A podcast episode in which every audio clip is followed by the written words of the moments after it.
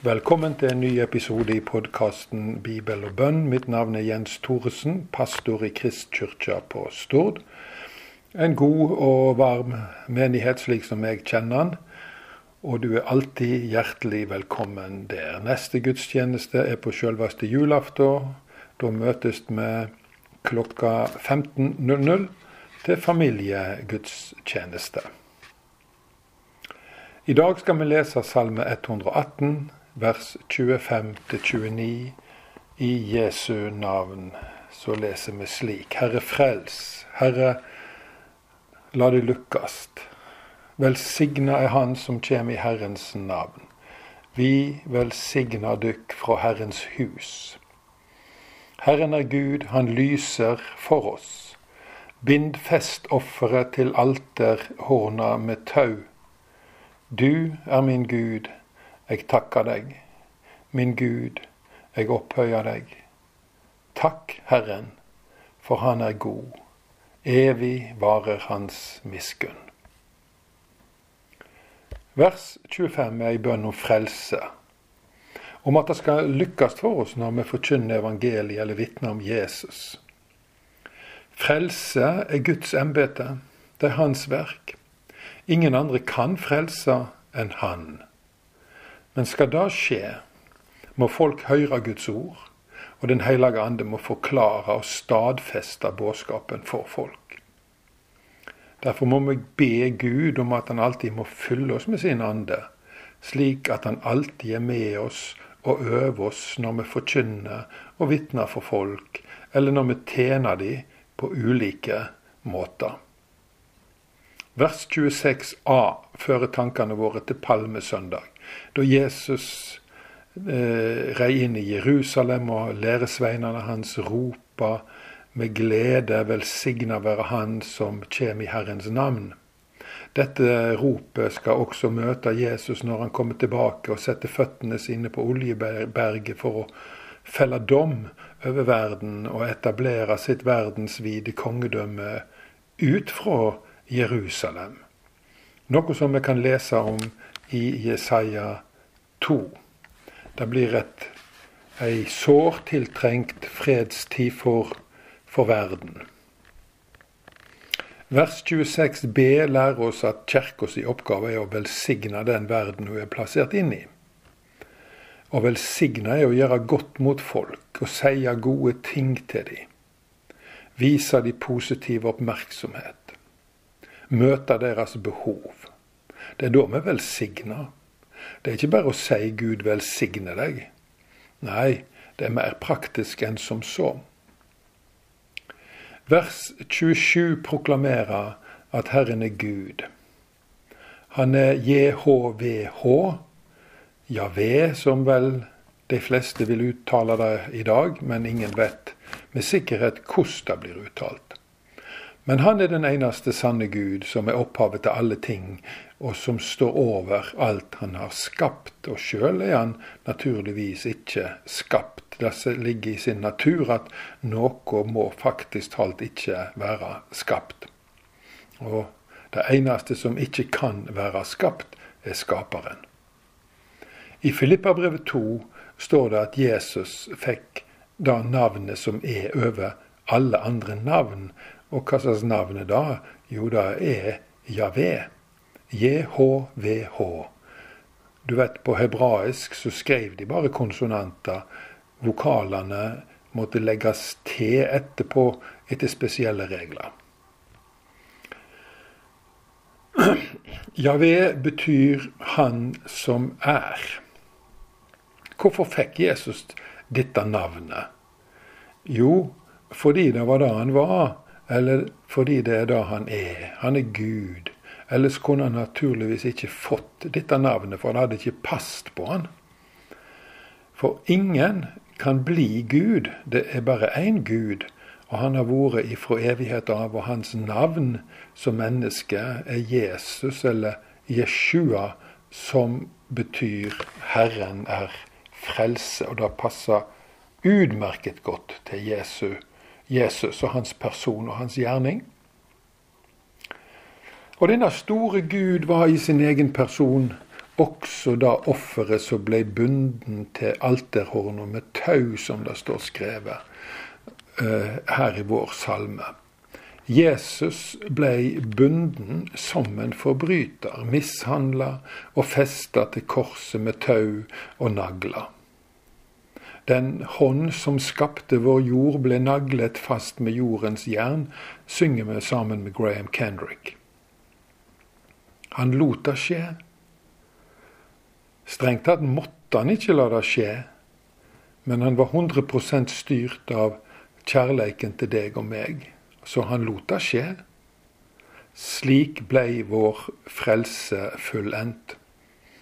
Og den fantastiske frukta av dette ser vi i vers 28, der salmisten erklærer Gud for sin Gud. Det er en dristig ting å gjøre, men han kunne gjøre det fordi Gud hadde definert han som sin, som sitt barn. Og du kan definere Gud som din Gud fordi du vet at Gud har kjøpt deg til seg med sitt eget blod, og er du hans, er han din. Derfor takker du Han dagen lang og løfter opp navnet hans så folk kan høre og se at du er en kristen og tilhører Gud. Salmo blir avslutta i vers 29 med et omkvede som er kjent fra mange andre salmer. Å være kristen er å svømme i Guds godhet og nåde. Guds kjærlighet er rundt deg på alle kanter, og ingen dom kan nå deg, for alt som du kan dømmes, som, som kunne dømmes i livet ditt, har Jesus tatt, vekk ved sin offerdød. Så Gud velsigne deg til å tru Hans ord. Og nå skal vi i dag be for Uruguay, som står på bønnelista til Operation World for den 12. Eh, desember. Uruguay er jo et eh, land i Sør-Amerika, sør for Brasil Eh, nordøst for Argentina. Det er et land med 3 485 000 innbyggere, fordelt på 35 folkegrupper som snakker 12 ulike språk. Hovedspråket er naturligvis spansk. Vi er i Latin-Amerika. Og når det gjelder religion, så tilhører 62% kristendommen. Og av og, og 6% er da evangeliske kristne. Uruguay er det mest sekulariserte landet i Sør-Amerika. Etter hvert som samfunnet åpna seg og ble mer demokratisk, ble det lovlig med abort, likekjønna ekteskap og cannabisbruk. Depresjon, selvmord, abort og skilsmisse er mellom de høyeste på hele kontinentet. De fleste uruguayanerne, hvis det er det de kaller seg, er nyreligiøse og lager sin egen religionsmiks. Afro-brasiliansk spiritisme virker også tiltrekkende på mange. Vi ber deg, gode hellige ande, om at du skal avsløre alt religiøst bedrag i Uruguay og overvinne de demoniske maktene som ligger bak alt dette her. Guds rike har gått litt tregt framover i Uruguay, men etter 1990 har det losna litt for pinsebevegelsen. Og vi ber Herre i dag om en kontinuerlig innhøsting i dette landet. Vi ber om nye kirkeplantinger, og at alle nye kirkelyer må slå dype røtter og ha framgang i lokalmiljøene sine. Og så ber vi også om at Bibelen må bli etterspurt og en skikkelig hit i dette landet, og at mange skal finne fram til de, mange, til, til de kristne radiostasjonene i landet og finne Jesus gjennom eteren. Da ber vi om vår Gud og Far i Jesu Kristi navn. I Uruguay så er det også 16 000 spansktalende jøder. Ingen av dem tror på Jesus. De er etterkommere etter sefardiske jøder som emigrerte fra Tyrkia i 1907. Uruguay var det første latinamerikanske landet som anerkjente Israel som suveren stat. 10 000 av de jødene som var i landet etter andre verdenskrig, har flytta til Israel. De som er igjen, er aldrende mennesker og vanskelig å nå med evangeliet. Dessuten er de ganske likegyldige ansynets religion. Gode far, vi ber om at jødene i Uruguay på en eller annen måte må få møte Jesus når de leser i Skriftene på høytidsdager. Og vi ber om at du skal bli til frelse for deg. La det lykkes.